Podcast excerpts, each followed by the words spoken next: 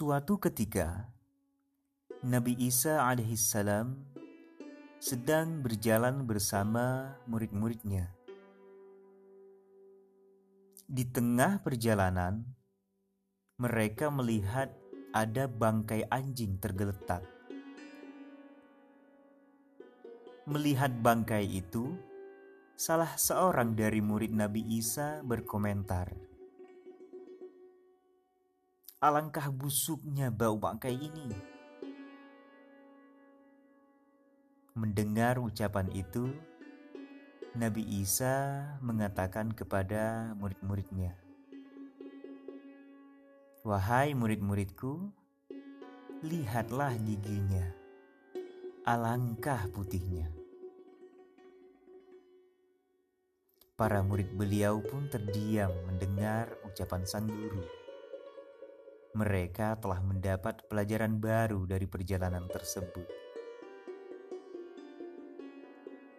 Teman-teman sekalian, kita sering menemui berbagai macam situasi dan kejadian yang kadang tidak disangka dan tidak kita ingini. Hal-hal demikian sebenarnya mengajarkan kita untuk bisa lebih peka dan lebih cerdas dalam menghadapi setiap kenyataan tersebut. Kadang kita juga dihadapkan oleh berbagai macam pilihan yang mengajak kita untuk lebih selektif memilih, untuk memilih bagian-bagian tertentu yang lebih baik.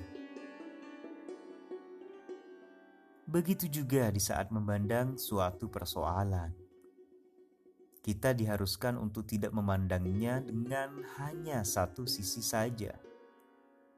Walaupun kenyataannya, kadang kita hanya bisa melihat suatu persoalan hanya sepotong-potong, setengah-setengah.